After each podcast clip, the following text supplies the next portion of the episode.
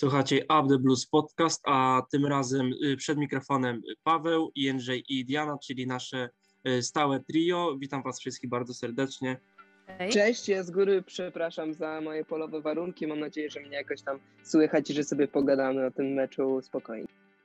W poprzednim podcaście y, z Dianą rozmawialiśmy o meczu z Aston Villą i z Manchesterem City. Z City przegraliśmy, ale wydaje mi się, że wtedy humory nie były aż tak smutne. Dzisiaj znowu porażka, druga z rzędu, tym razem y, z Juventusem to już piąta porażka y, z włoską ekipą na wyjeździe i myślę, że dzisiaj troszkę, troszkę negatywnie będzie, chociaż jak Diana mówi, wszystkich uspokaja i na spokojnie podejdzie do, do omówienia tego spotkania. My z Jędrzejem niekoniecznie, ale to w dzisiejszym podcaście.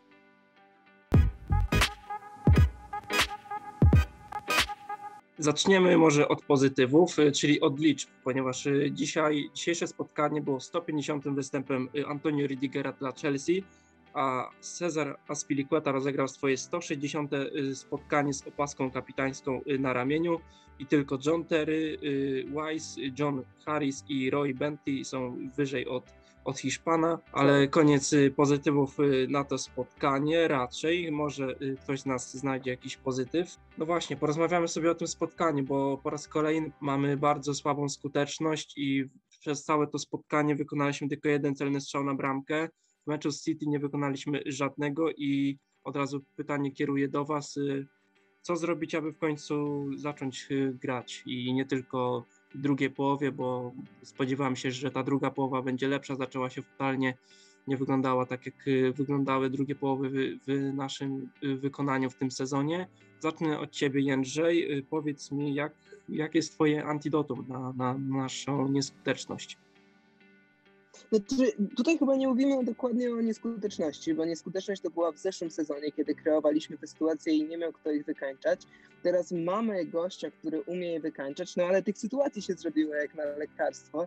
I w sumie możemy już powiedzieć, że to się zaczęło przy meczu gdzieś z Aston gdzie tych sytuacji było mało. Na szczęście mieliśmy Lukaku, który właściwie sam sobie ją wykreował, potem umieścił piłkę w siatce, jakoś się to ruszyło, indywidualny błąd Minksa i wygraliśmy ostatecznie 3 do 0, ale już wtedy tych sytuacji było bardzo mało i potem tylko, tylko coraz bardziej widać to, że na początku, że Mount nie, nie był w formie, a teraz, że Mounta nie ma. I według mnie trochę nie mamy zawodnika, który by nam Mounta zamienił. Wydaje mi się, że Diana mówiła w którymś z zeszłych podcastów, że trochę jest tak, że jakby Mount nie grał źle, tak bez niego jest jeszcze gorzej i według mnie tutaj brakowało Mounta, brakowało kogoś, kto by tę sytuację wykreował, no bo dzisiaj mówiłeś, jeden celny strzał to chyba był po stałym fragmencie gry w pierwszej połowie, kiedy tak, Marco w pierwszej połowie Luka. Do, do tego. Tak, tak, no to dla mnie po prostu dzisiaj tych sytuacji nie było i brakowało ewidentnie Masona Mounta. I właśnie może zmodyfikuję pytanie w stronę Diany, ponieważ Jędrzej wspomniał o Lukaku i, i ja trochę oglądając ten mecz zastanawiałem się, czy my w ogóle jesteśmy w stanie wykorzystać y, atuty Belga, ponieważ kolejne spotkania oglądamy w wykonaniu The Blues, gdzie przypomina mi się wizja Franka Lamparda, czyli masę dośrodkowań naprawdę nie jestem w stanie zliczyć wrzutek w pole karne na Lukaku w tym spotkaniu. I, I, pytam się Ciebie, Diana, czy w ogóle Chelsea będzie w stanie wykorzystać cały potencjał Lukaku? I jak, jak w ogóle to do tego po prostu doprowadzić, poza oczywiście lepszą kreatywnością, ale to, to o tym porozmawiamy sobie później. Mm, przy braku pomysłu na grę wrzutki są po prostu najłatwiejsze i to było widać często u Lamparda, gdzie jedynym naszym pomysłem na grę było rozrzucenie piłki na skrzydło i próba dośrodkowania na Giroud, który, który wszedł z ławki za Wernera na przykład, bo na Wernera przecież nie będziemy dośrodkowywać piłek.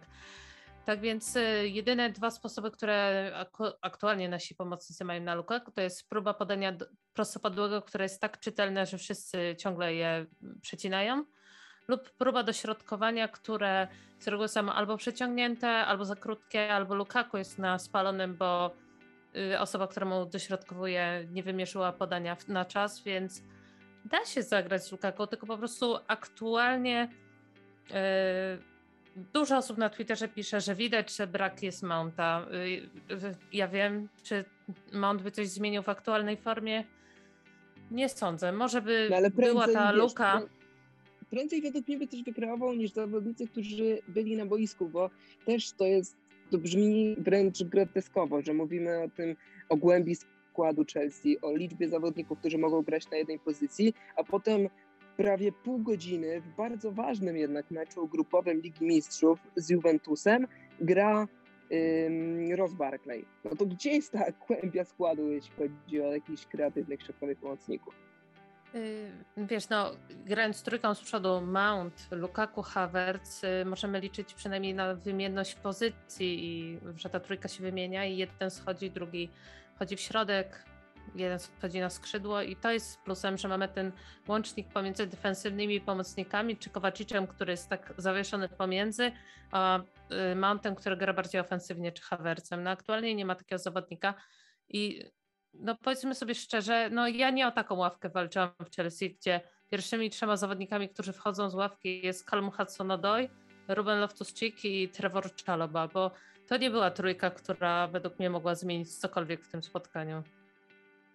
Ale bądź co bądź, wydaje mi się, może to jest moja taka opinia, że Czalobach odmienił trochę naszą grę i, i ruszyło to moim zdaniem, zwłaszcza jeszcze, gdy włączymy to wszystko jeszcze Rubena, który moim zdaniem, jeśli chodzi o szeregi Chelsea, jest man of the match.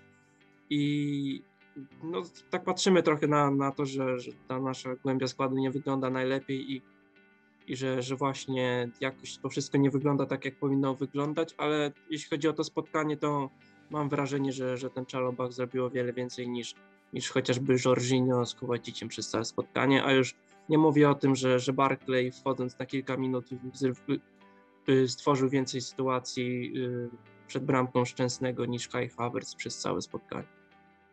Właśnie ja już bym prędzej jakiegoś Barclaya pochwalił, jak mamy szukać gdzieś na siłę pozytywów, bo te zmiany, no nie wiem, dla mnie to Ruben Ratuscik przyjął piłkę, pokręcił się wokół siebie i tyle. Nie, nie stwarzał żadnych sytuacji, więc trudno mi mówić o jakimś pozytywnym wpływie na grę. No, może jakiś był, jakbyśmy szukali pozytywów, no to tak, fajnie widzieć ogólnie go w dobrej formie, ale nie odmienił naszej gry. Niestety, biliśmy w mur przed tym, jak wszedł na boisko i po tym, jak wszedł na boisko.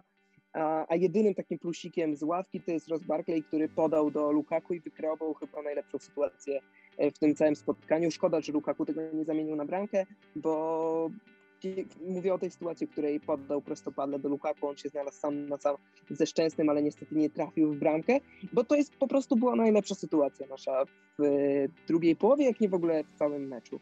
A doszukiwanie się tych plusów przy Czalobachu, przy Lubenie, bo widziałem już, że ludzie ogłaszają go najlepszym zawodnikiem meczu, tylko podkreśla to, że po prostu nam słabo w tym meczu poszło.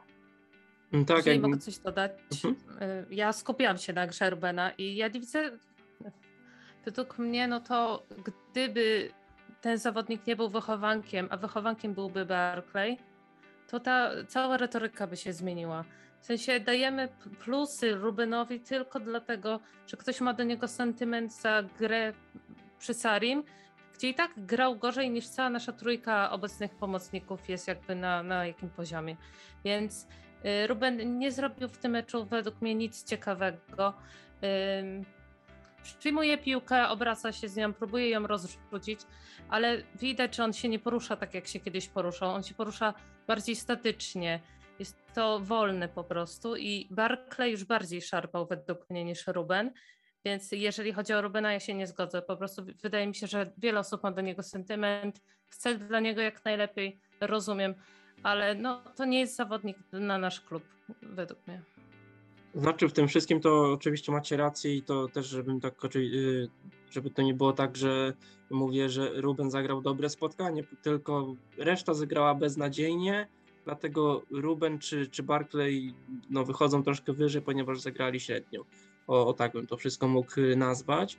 A, a co do Masona Mounta, ponieważ y, o nim chwilę rozmawialiśmy, chciałbym się zapytać, czy, czy Chelsea nawet z beznadziejnym Masonem, czy właśnie przed tym urazem z Aston Villą, przecież miał dwa poprzednie spotkania beznadziejne, czy, czy Chelsea z takim nawet Masonem byłaby dzisiaj w stanie y, strzelić bramkę y, Juventusowi? Według mnie tak. I wiem, że Diana chyba się ze mną nie zgodzi, ale, ale według mnie nawet słaby Mason Mount mógłby ożywić Lukaku tam z przodu, bo to w tym według mnie leżał główny problem, że nie, nie mieliśmy nikogo, kto by temu Lukaku pomógł oddać strzał. Nawet Mount w słabej formie myślę, że zrobiłby więcej po prostu niż, niż ci zawodnicy, którzy byli na boisku. Więc, więc według mnie tak, tak, gdzieś bym, gdzieś bym doszukiwał się swoich szans, zwłaszcza patrząc na to, jak słabo grał Havertz, Ziyech i tak dalej, i tak dalej. Z Mountem po prostu gramy troszkę inaczej. Mamy więcej pomysłów na grę. Nie gramy tak jedno, zero-jedynkowo, czyli nie robimy albo wrzutek, albo prób podań prostopadłych. E, tutaj jeszcze wracając trochę do tych zmian, no to też trochę inaczej wyglądało, bo Juventus się cofnął cały i robił sobie e, nasze takie Park de Bas, e, słynne Chelsea trochę, gdzie po prostu my kontrowali, kontrowaliśmy, kontro, nie mogę powiedzieć, sorry, trzymaliśmy piłkę i, i, próbowaliśmy coś, coś wepchnąć, no ale gdy stoi przed tą 10 prawie zawodników Juventusu, który nawet jeżeli nie jest w jakiejś wybitnej formie, to to dalej jest Juventus, to to inaczej wyglądało. Mount mógłby coś zmienić, ale w pierwszej połowie, gdzie byśmy może troszkę inaczej grali, w drugiej do pewnego momentu. Potem to już jest po prostu obrona Częstochowy i próbujemy coś coś, e, coś zrobić. I Havertz tak naprawdę odnalazł się w tych dwóch sytuacjach. Dwa razy źle strzelił główką, ale, ale miał tę sytuację. No, szkoda, że nie wykorzystał i tyle.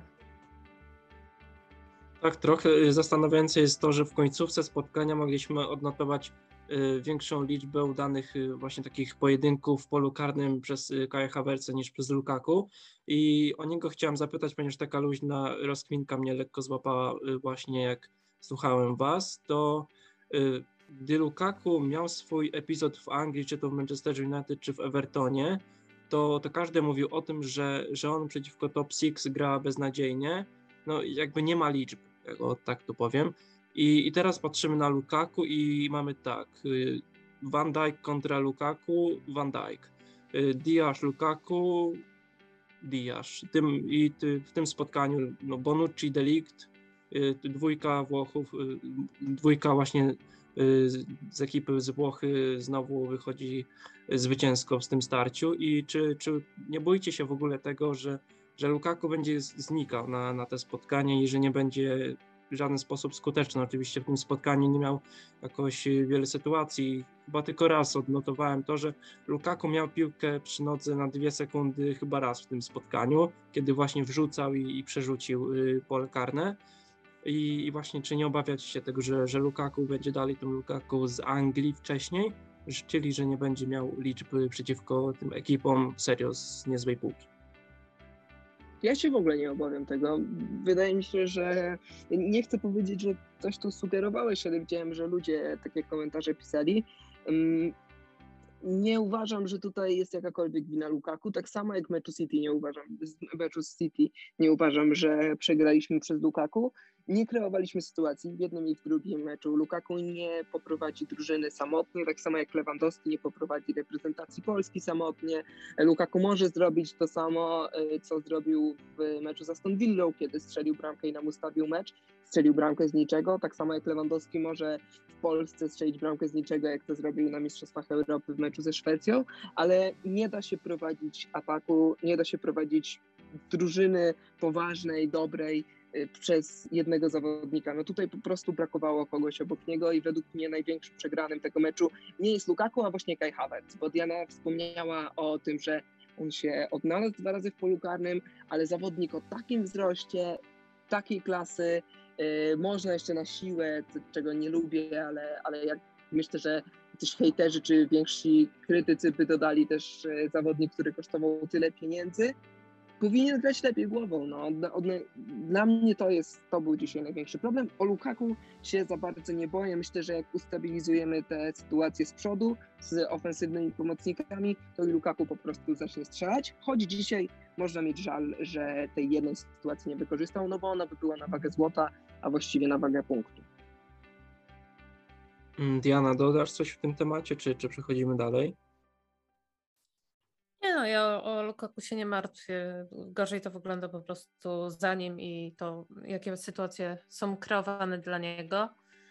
Um, nie no, największym hejtem oblewa się dzisiaj Kai Havertz na, na Twitterze, więc yy, rozumiem, czy zagrał zły mecz, ale po prostu yy, wybór po prostu gracza, którego akurat jedzie Twitter jest yy, zawsze dla mnie zadziwiający, bo w każdym meczu jest kto inny. W pierwszej połowie był to Alonso, teraz się wszyscy przerzucili na Havertza. Nie, nie możemy być takimi kibicami. Musimy Znaczy, ja nie patrzeć chcę na cały sezon. Ja nie, W sensie, ja nie mówię, nie, nie, nie, nie, spokojnie, spokojnie, to nie było odnoszące się do ciebie. Rozumiem, Havertz powinien grać lepiej główką. Ja bardziej e, stwierdzam, że Werner w ogóle by nie znalazł się w takiej sytuacji, w której znalazłby się dzisiaj Havertz, E, więc e, po prostu zawsze wszyscy myślą, że, że byłoby lepiej, gdyby ktoś grał zamiast kogoś, tak naprawdę później się okazuje, że ten gracz nie odnajduje się w ogóle w takich sytuacjach, jak ten, który akurat zmarnował. Raz zmarnuje, raz strzeli.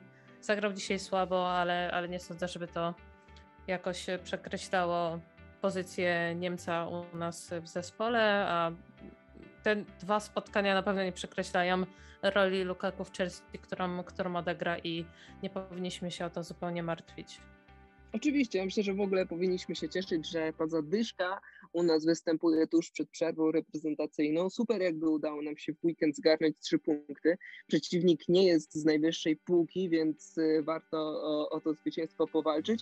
Potem przerwa reprezentacyjna, czas na regenerację Pulisika, pewnie też Kante, Mounta, e, Risa Jamesa i myślę, że potem wrócimy i znowu taki, taki fresh start zaliczymy. Tak, tak przynajmniej w to wierzę.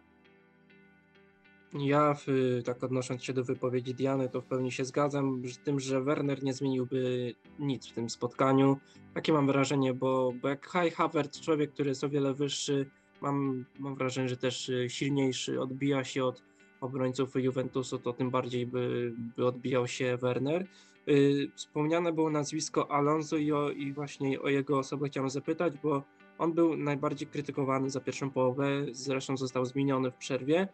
Y, Głupia żółta kartka, ogólnie słaby występ Alonso już y, drugi mecz z rzędu i czy uważacie, że jakby powrót Bena Chilwella do pierwszego składu tymi dwoma występami Alonso znacznie się przybliżył i jak ogólnie oceniacie Chilwella w tym spotkaniu, bo, bo ode mnie mogę powiedzieć Ci to, że, że, że jakby nie pokazał się nic, ale to też jakby kwestia tego, że, że zaczęliśmy grać kompletnie drugą stroną i w 90% został wykorzystywany Hudson-Odoi, a nie Ben Chilwell. No to może właśnie o czymś świadczy, że jednak Ben Chilwell wchodzi i nie do końca jest w swojej najlepszej formie, nie, nie gra i w ofensywie, przede wszystkim w ofensywie, bo tu w defensywie nie ma zbyt dużo pracy, tak jakbyśmy tego oczekiwali. Czy to był występ, który może jakoś, którym może wywalczyć sobie miejsce w składzie? No według mnie nie. Bardziej to, co powiedziałeś na początku, że Alonso swoim występem może sprawić, że przestanie być ustawiony. Jeżeli ja bym miała coś dodać, to, to bym powiedziała, że drugą połowę Chilwell zaczął i te ataki szły stroną Chilwella, ale tak po 10 minutach y, jakby wszyscy stwierdzili, że nie gramy przez Chilwella i będziemy cały czas cisnąć prawą stroną przez Hudson-Odoi. I to mm, ciągle graliśmy na jedną stronę, co też nie wychodziło jakoś super. Później próbowaliśmy grać trochę lewą, ale Chilwell w ogóle nie był włączony w te akcje ofensywne. O czym to świadczy? Ciężko powiedzieć. Czy Chilwell nie jest, nie czuje się jakby w pełni formy, nie czuje się pewny siebie aż tak, żeby, żeby angażować się do tych akcji, próbować coś wykombinować?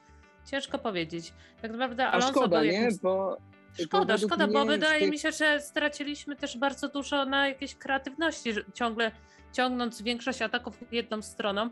I Hudson Odoi ma ten dribbling, ale on ma taki dribbling, który prawie nigdy nie przejdzie jakiegoś zawodnika. W sensie nawet taki, ciężko mi powiedzieć, ale pamiętacie jak William miał nieraz, że potrafi, miał ten taki swój dribbling na tą nogę jedną, gdzie potrafił Tak, się tak, odkleić od tak. zawodnika i coś wykombinować. Hudson to Odoi tego nie ma. On sobie robi kółeczka i później do kogoś podaje, ale brakuje tych takich, żeby on oderwał się od tego obrońcy. Pró- Spróbował fajnie dośrodkować. Nie wiem, czy jego dośrodkowanie to nie było wtedy na główkę Hawerca, ale za mało jest tej kreatywności i trochę mnie osobiście bolało, że trochę Chilwell się nie włączał do tych akcji ofensywnych aż tak, bo jednak on ma dobre dośrodkowanie i trochę tego nie wykorzystuje i dostaje szansę po takiej, po takiej połowie Alonso i tej żółtej kartce, że powinien starać się jednak to wykorzystać bardziej. Szczególnie, że i tak nam nie szło i każdy pomysł byłby dobry. Mnie to y, trochę zaciekawiło właśnie jak wszedł Chilwell i w drugiej połowie, jak już zwłaszcza po, no, po utracie bramki, y, zauważyłem, że na pozycji y, Chilwella, jakby tam gdzie powinien być Chilwell, częściej występował Ridiger, który szukał tych strzałów z dystansu, on tam lubi przecież zawsze uderzyć z daleka i, i bardziej widywałem Niemca na pozycji Anglika niż, niż jakby właśnie mielibyśmy wykorzystywać Chilwella jego potencjał, bo potencjał ma jakby nie było. I trochę tak zmieniając temat, bo chciałbym trochę zerknąć na, na, na jakby obóz rywala.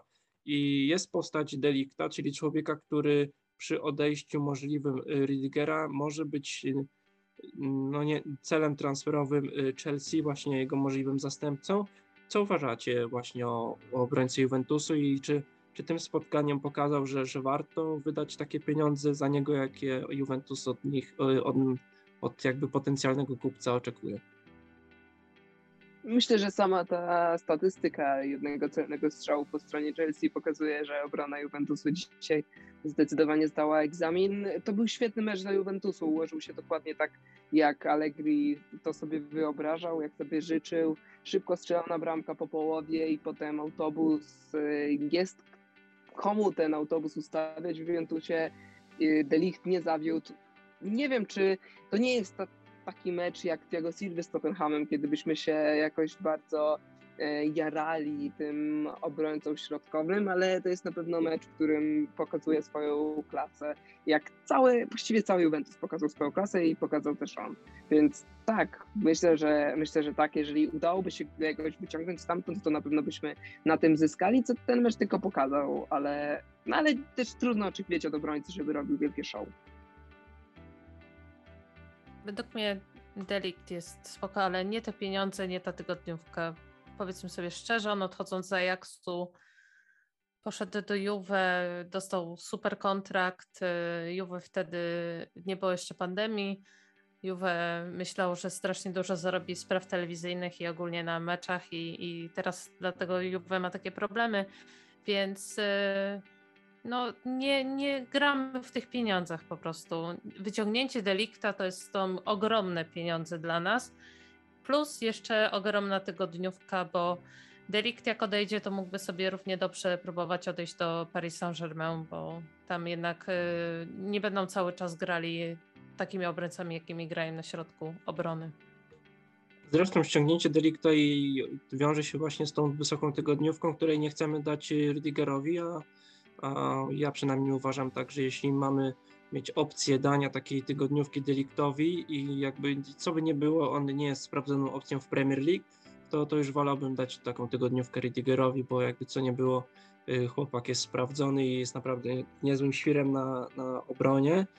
Yy, a tak Dzisiaj teraz... widzieliśmy na przykład dosyć, dosyć ciekawe, że w momencie, w którym Lampard był trenerem, bardzo szybko Diego Silva dostał opaskę kapitana, a teraz mieliśmy sytuację, w której Diego Silva był na boisku, a opaska kapitana powędrowała do Rudigera, co pokazuje, no, co pokazuje, że Niemiec ma tą pozycję w składzie i jest zawodnikiem szanowanym wśród trenera, wśród e, zawodników i myślę, że też wśród kibiców to, to świadczy twoja wypowiedź.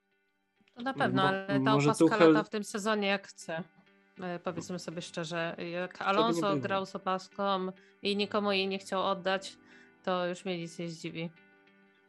E, może Tuchel właśnie też e, tą opaską dla Rydigera szuka trochę takiej motywacji dla, dla Niemca, żeby jednak został w klubie i podpisał ten kontrakt mimo niższej tygodniówki niż właśnie oczekuje sobie. Y, tak trochę chciałem zapytać y, o Kieza, ponieważ ten piłkarz jest fenomenalny i pokazał to w tym spotkaniu, jego szybkość.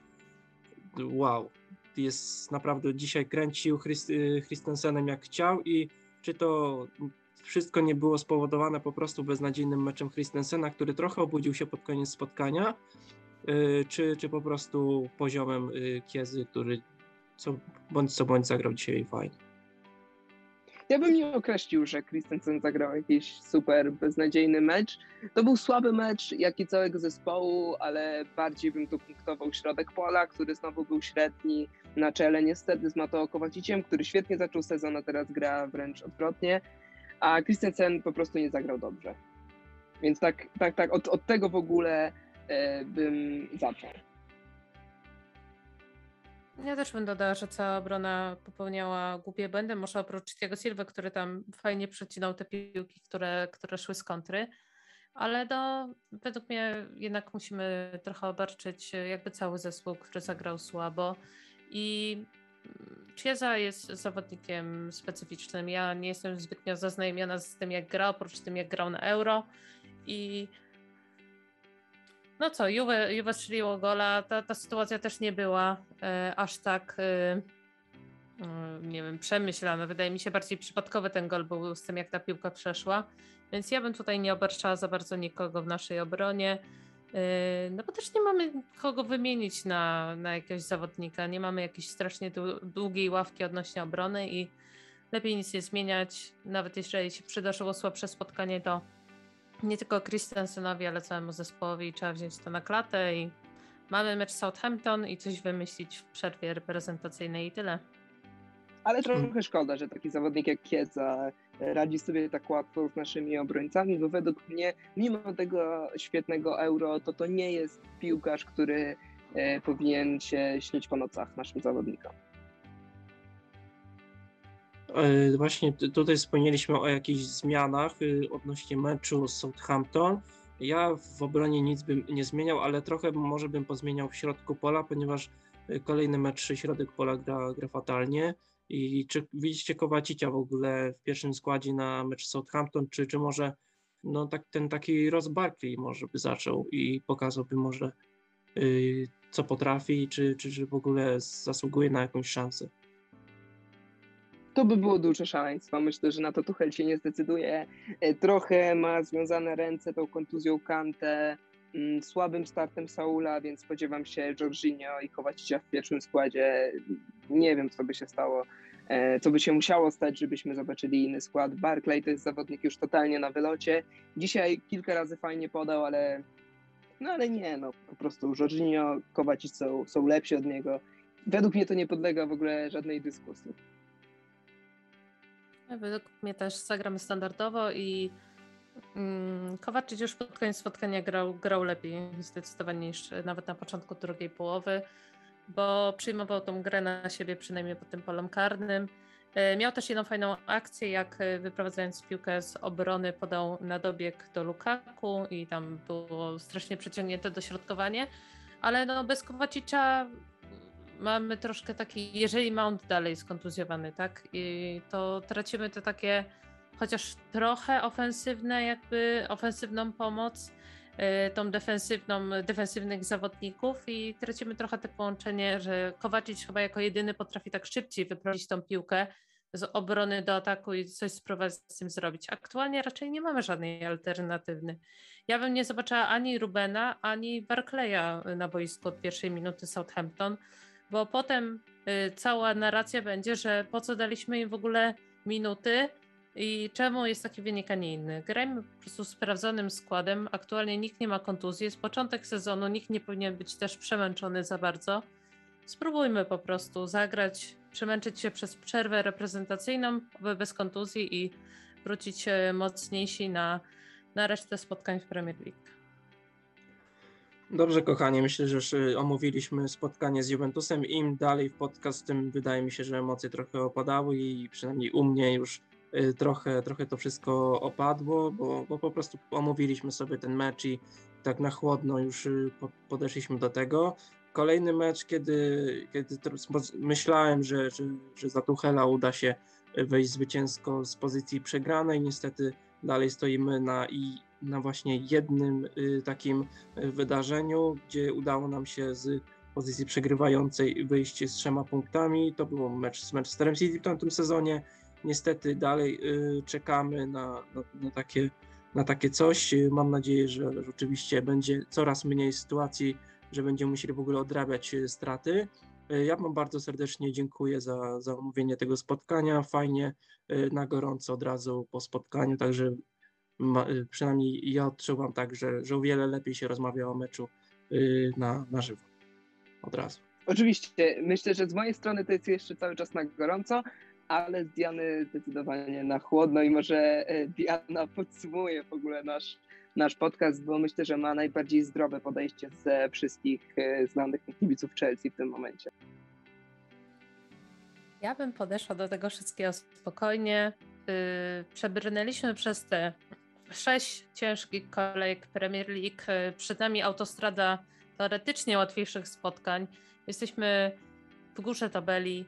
Nie mamy wielkiej straty w Premier League do żadnego rywala, a w Lidze Mistrzów czeka nas teraz yy, dwumecz z Malmę, z którym powinniśmy na spokojnie wyciągnąć 6 punktów, patrząc na to, jak Malmo się jak gra w Lidze Mistrzów dzisiaj dostało 4 gole od Zenitu, więc na spokojnie musimy podejść. Jakbym miała zakończyć ten podcast jakimś pozytywem, to doprowadziliśmy tylko do jednego rzutu rocznego Juventusu, patrząc na to, że jesteśmy na pierwszym miejscu, jeżeli chodzi o średnią liczbę rzutów rożnych w tym, pre, w tym sezonie Premier League przeciwko, co jest tragiczną statystyką. Yy, To super yy, jest ta statystyka dziś, z dzisiejszego spotkania, więc chociaż to może dawać nam jakiś plusik na, na przyszłość. Więc tak bym zakończyła i będzie wszystko dobrze. Było gorzej, no. Przypomnijmy sobie, że było gorzej, więc nieźle. Diana oazą spokoju, my, my z Jędrzejem może niekoniecznie, ale czekamy na mecz Southampton, który mam nadzieję będzie okazją do, do, do świętowania i do, do radości.